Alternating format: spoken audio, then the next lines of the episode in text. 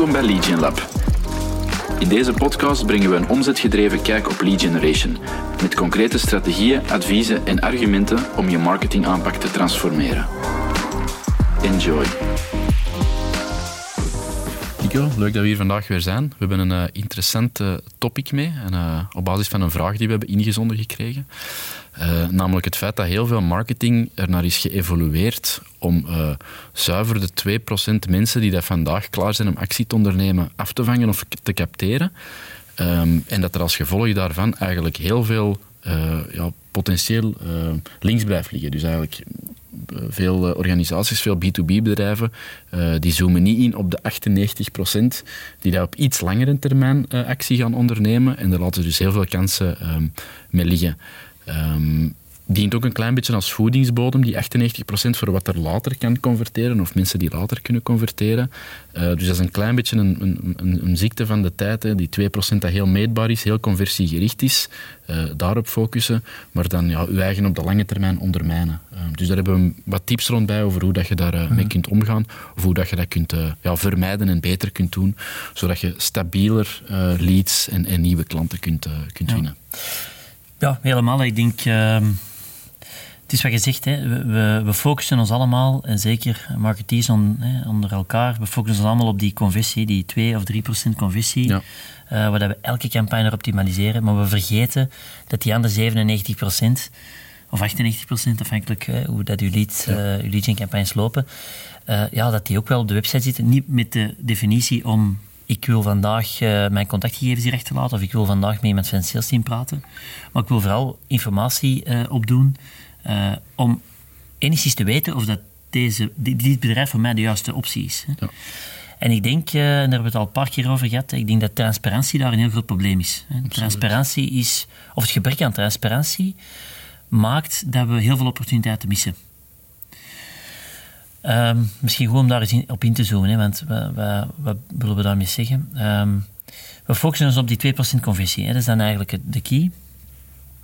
Uh, maar we vergeten eigenlijk dat mensen zich voor 80, 90 procent willen informeren vooraleer dat ze met een organisatie in contact komen. En doordat we ons enkel, en ik denk dat dat een van de problemen ook is, doordat we ons enkel focussen op die 2 procent, missen we eigenlijk het feit dat we mensen initieel, dat is eigenlijk het hoofddoel moet zijn, want dat is voor 98% van de mensen die op de website komen, -hmm. moeten we die mensen eigenlijk informeren in hun beslissingsproces en welke elementen belangrijk zijn om langs hun kant de juiste keuzes te maken. En dat vergeten we volledig. Die transparantie, denk ik, vergeten we volledig door gewoon de focus te leggen op die 2% die uit die campagne moeten rollen. En het zijn ook twee totaal uiteenlopende uh, tactieken die eruit vloeien. Dus als je op die 2% focust, de, de, de, mensen die meer koopklaar zijn, de mensen die meer klaar zijn om actie te ondernemen, wat ziet je dan traditioneel? Um, dat zullen Google Ads-campagnes uh, uh, zijn. Mensen die bepaalde zoekopdrachten doen, die dat je daarmee probeert af te vangen. Uh, dat zijn de, ja, de direct response tactieken of, of, of, of tactics. Um, heel specifiek en, en, een vak apart in principe. Mm -hmm. Uh, leuk dat ja, die, door die direct response direct meetbaar. Uh, je kunt met conversieratio's of je kunt op conversieratio's werken. Je kunt redelijk gemakkelijk CPL's uh, berekenen aan de start van een traject, want dat is natuurlijk niet het einddoel.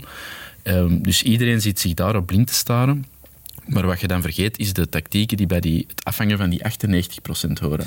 En dat, is de is van je website. Hè? Voilà, inderdaad. Dat is informeren, dat is content aanbieden, dat is voor elke oriënterende of zoekende laag uh, ja, iets kunnen aanbieden of um, ja, iets op je website bieden. Um, maar ja, dat laten mensen dan insliggen. Ja, ja, en misschien een paar symptomen. Uh, want uiteindelijk, we zeggen dat transparantie, maar eigenlijk zien we toch wel een paar symptomen die dan terugkomen. Uh, of ja, redenen die, of oorzaken die we dan zien. Ja. Ik denk enerzijds het feit dat het aantal leads achterblijft, uh, is een veel voorkomende, denk ik.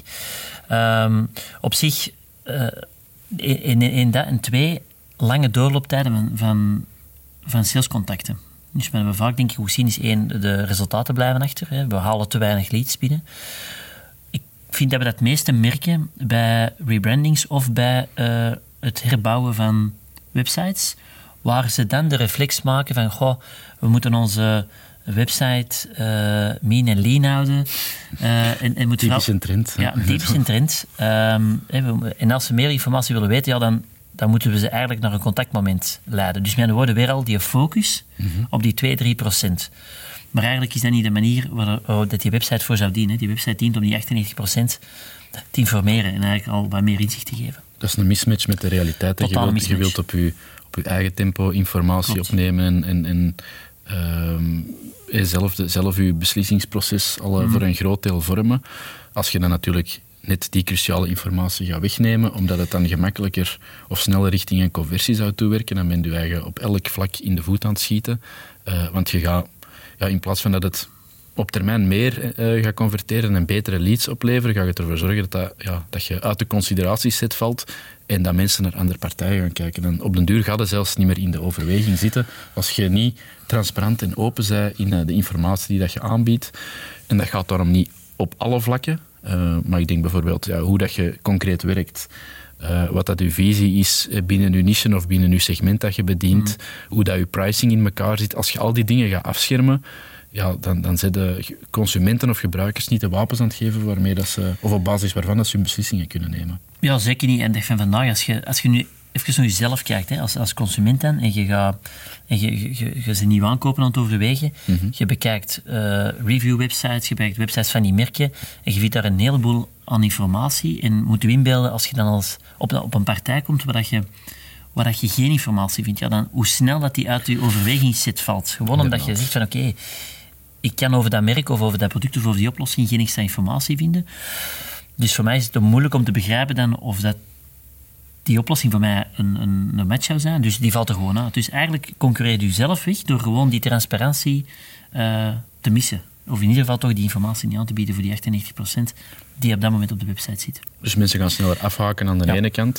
Ik denk ook aan de andere kant, als je informatie weghaalt en daardoor misschien een tijdelijke influx aan meer contacten of meer leads krijgt, Um, ik denk dat de, de, contacten dat via die weg binnenkomen, uh, dat die niet per se meer gekwalificeerd gaan zijn en dat we eigenlijk heel vaak zien dat die minder vlot in je salesverhaal meegaan. Dus ook daar zit u, allez, is het een beetje contraproductief door informatie weg te halen.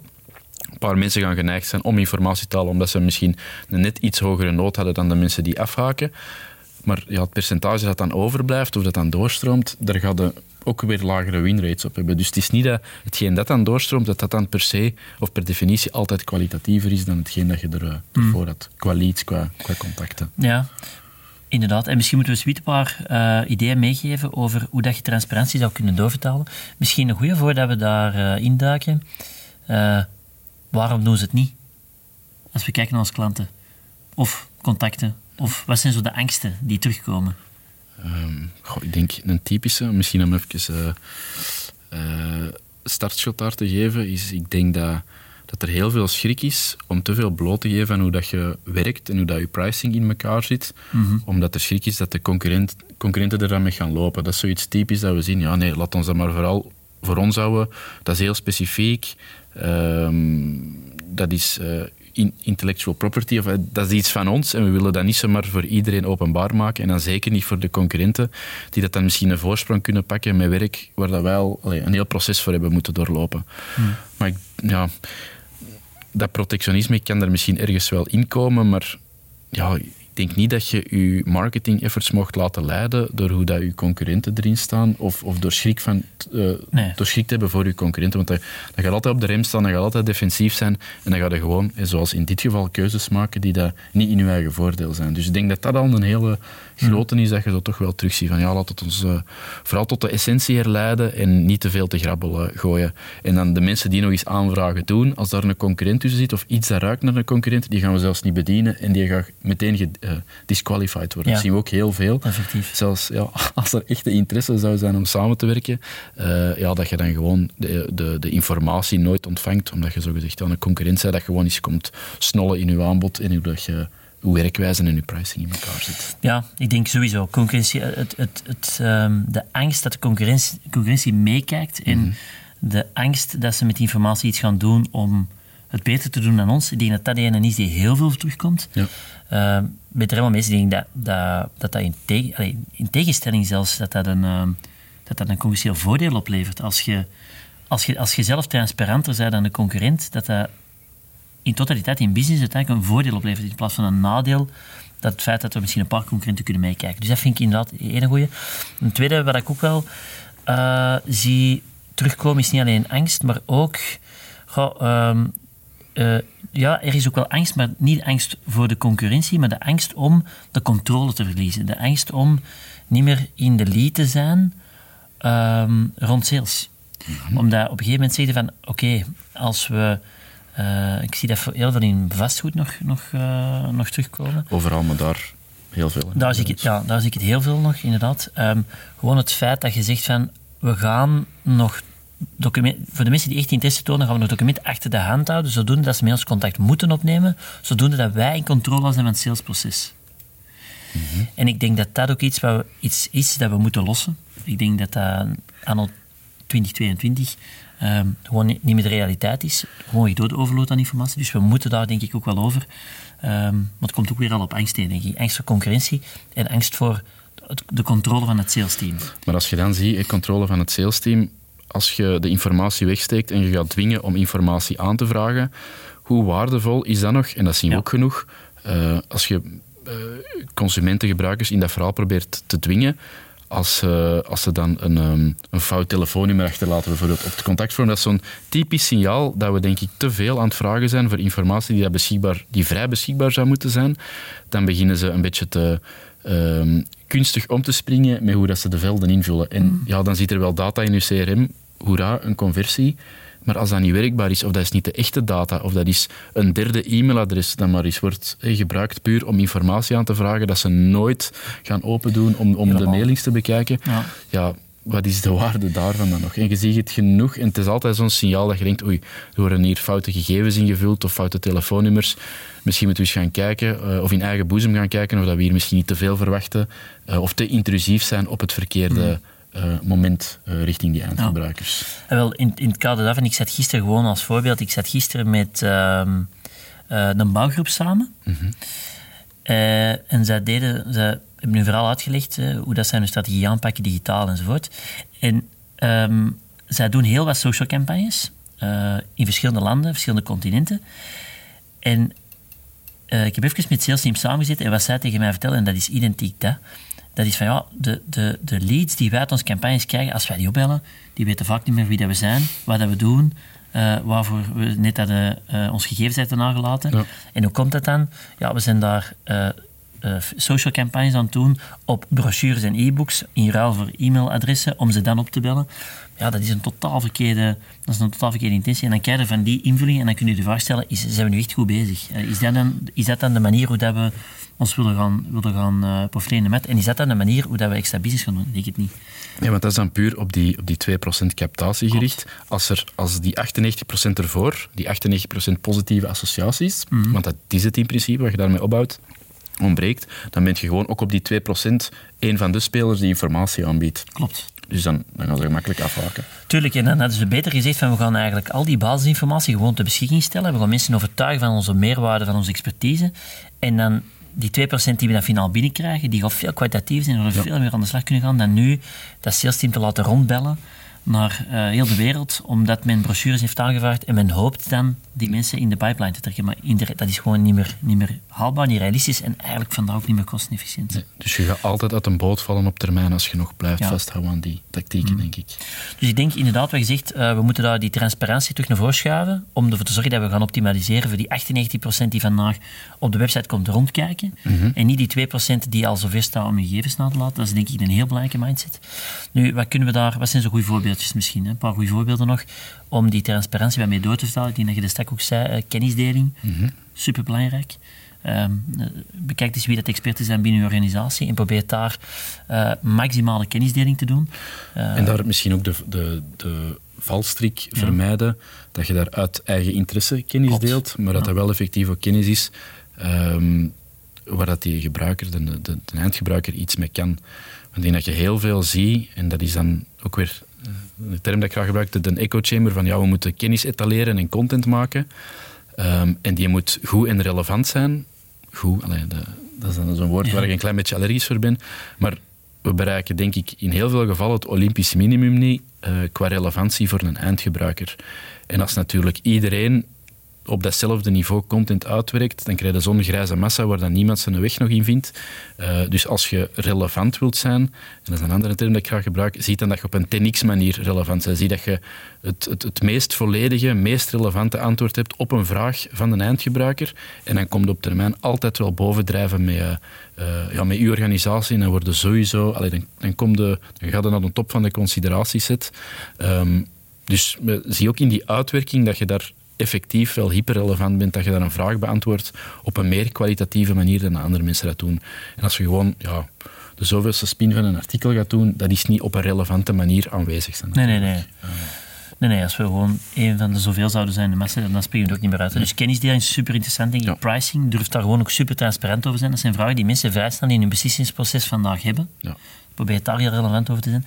Uw werkwijze, probeer daar echt iets wat dieper in te gaan. Hoe werken wij nu met mensen samen? En en uh, laat de persoon aan de kant aanvoelen of dat, dat voor hem een goede match zou zijn. Denk ik ook uh, heel interessant. En klantenervaringen en klanten delen. Uh, dat is ook zo weer, dan zien we vaak, ja, maar de concurrentie kijkt mee. We gaan echt niet vertellen voor wie we werken en hoe we werken.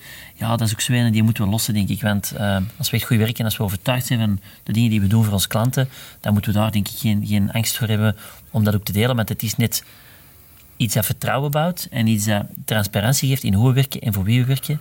En ook weer al een manier vanuit de, de persoon, die 98% om een inzicht te krijgen, is dit een partij of een oplossing die geschikt zou zijn voor mij. Dus ook daar denk ik uh, super, uh, super belangrijk om daar wat meer aandacht aan te geven en daar ook niet uh, angstig voor te zijn.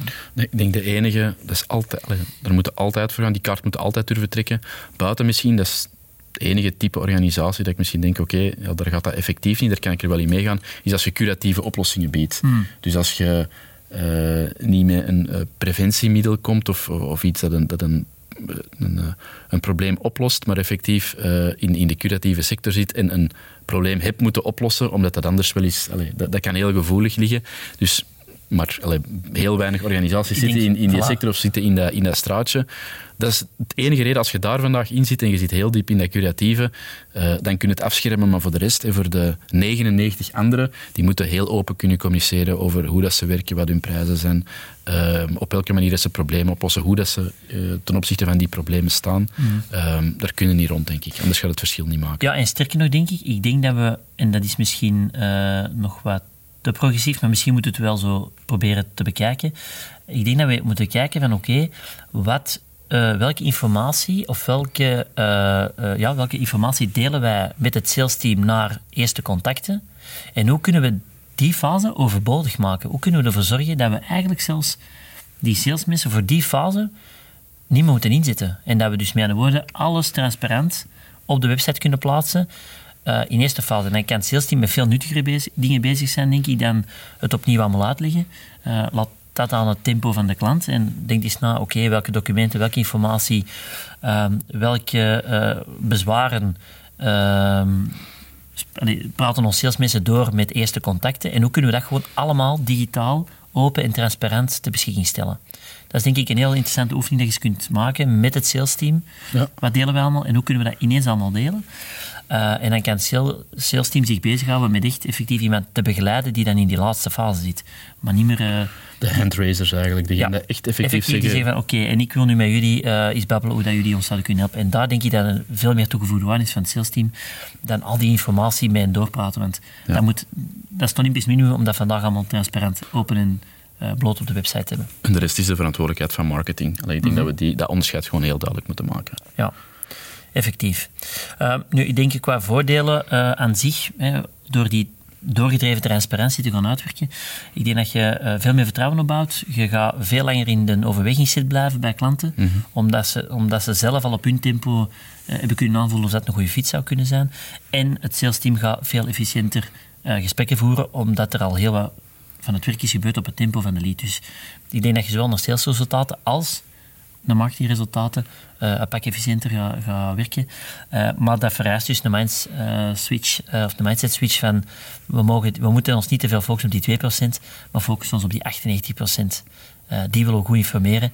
En als dat de focus wordt, dan volgt meestal de rest wel. Dan kan er ineens heel veel. Dan ga je minder moeten jagen, minder spelletjes spelen. Je blijft gewoon op de shortlist staan, in de consideratieset zitten. Hmm. Uh, en je gaat er niet gemakkelijk afvallen, want er zijn positieve associaties opgebouwd. Um, dus dat gaat veel efficiënter uh, werken en voor meer impact zorgen.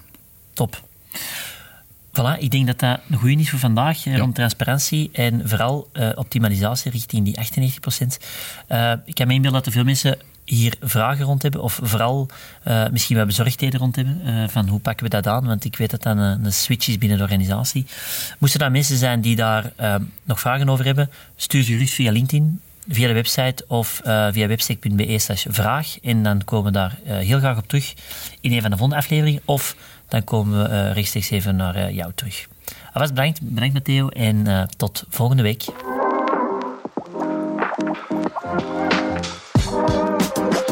Wil toch even de tijd nemen om te bedanken om te luisteren naar de Legion Lab. Wil je als eerste meer inspiratie ontvangen? Abonneer je of heb je specifieke vragen na het beluisteren van deze aflevering? Stuur ze gerust via LinkedIn. Tot volgende week.